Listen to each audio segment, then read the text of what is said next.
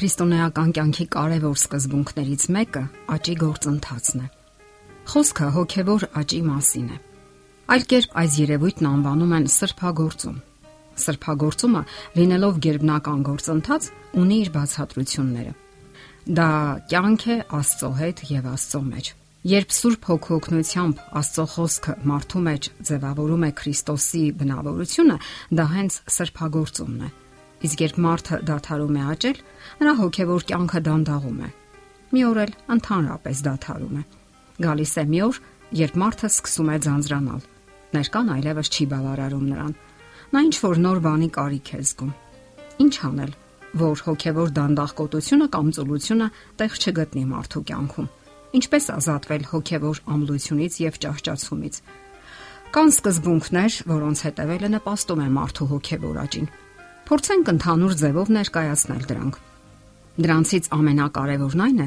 որ մարդն իր արժև հոգեորապես աճելու նպատակ է դնում։ Շատ քրիստոնյաների համար դա երբեք էլ նպատակ չի դառնում։ Որքան էլ նրանք կանոնավոր հաճախեն եկեղեցի, միայն եկեղեցի հաճախելը չի նպաստում հոգեոր աճին։ Անհրաժեշտ է անznապես եւ խորությամբ ուսումնասիրել Աստծո խոսքը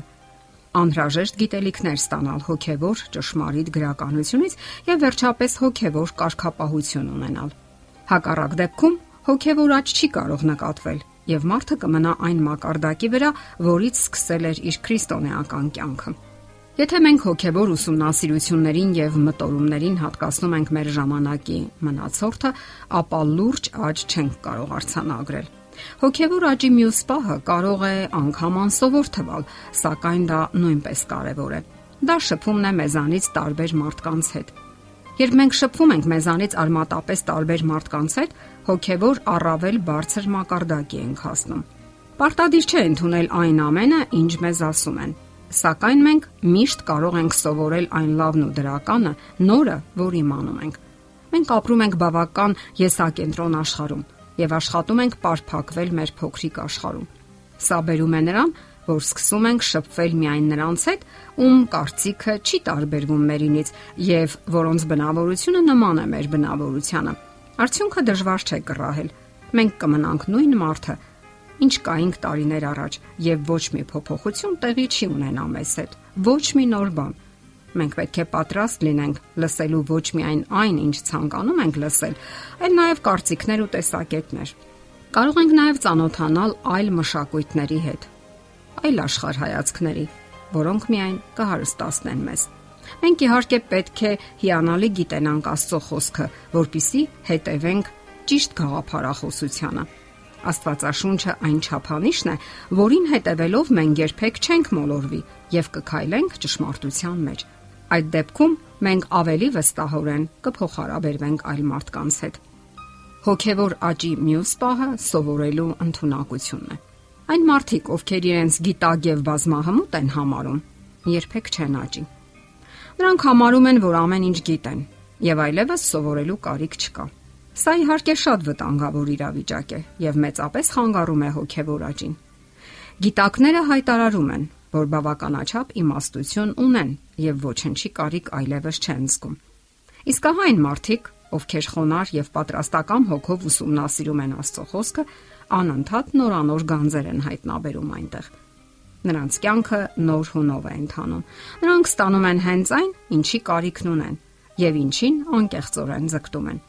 Նրանց կյանքը առավել հետաքրքիր է ընթանում։ Մեր աշխարհն իսկապես հետաքրքիր է եւ այնտեղ շատ բան կա սովորելու։ Շատ մարդիկ այն կարծիքին են, թե Աստծո խոսքի ուսումնասիրությունը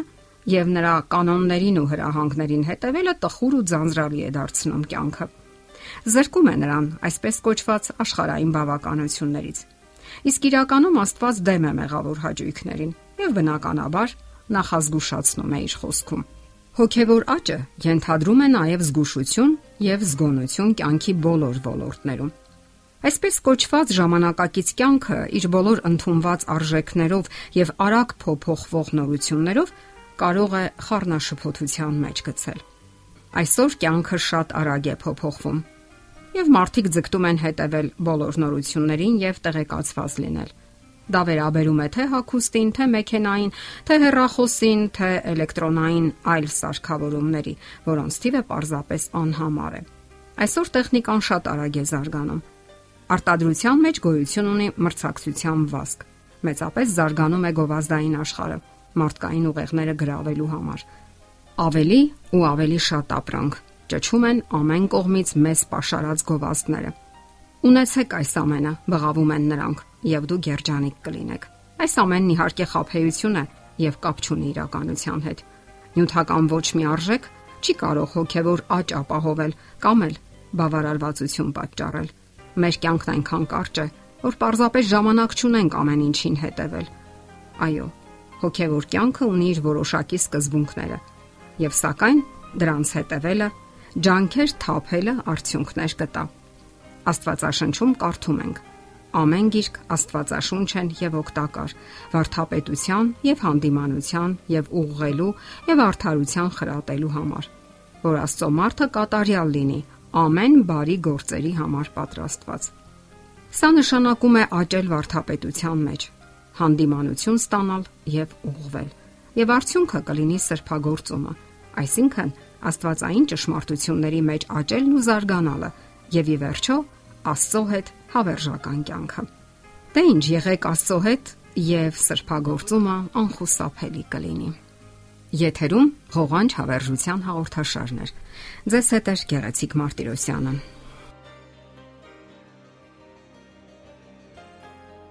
Հարցերի եւ առաջարկությունների դեպքում զանգահարեք 094 08 2093 հեռախոսահամարով։ Հետևեք մեզ hopmedia.am հասցեով։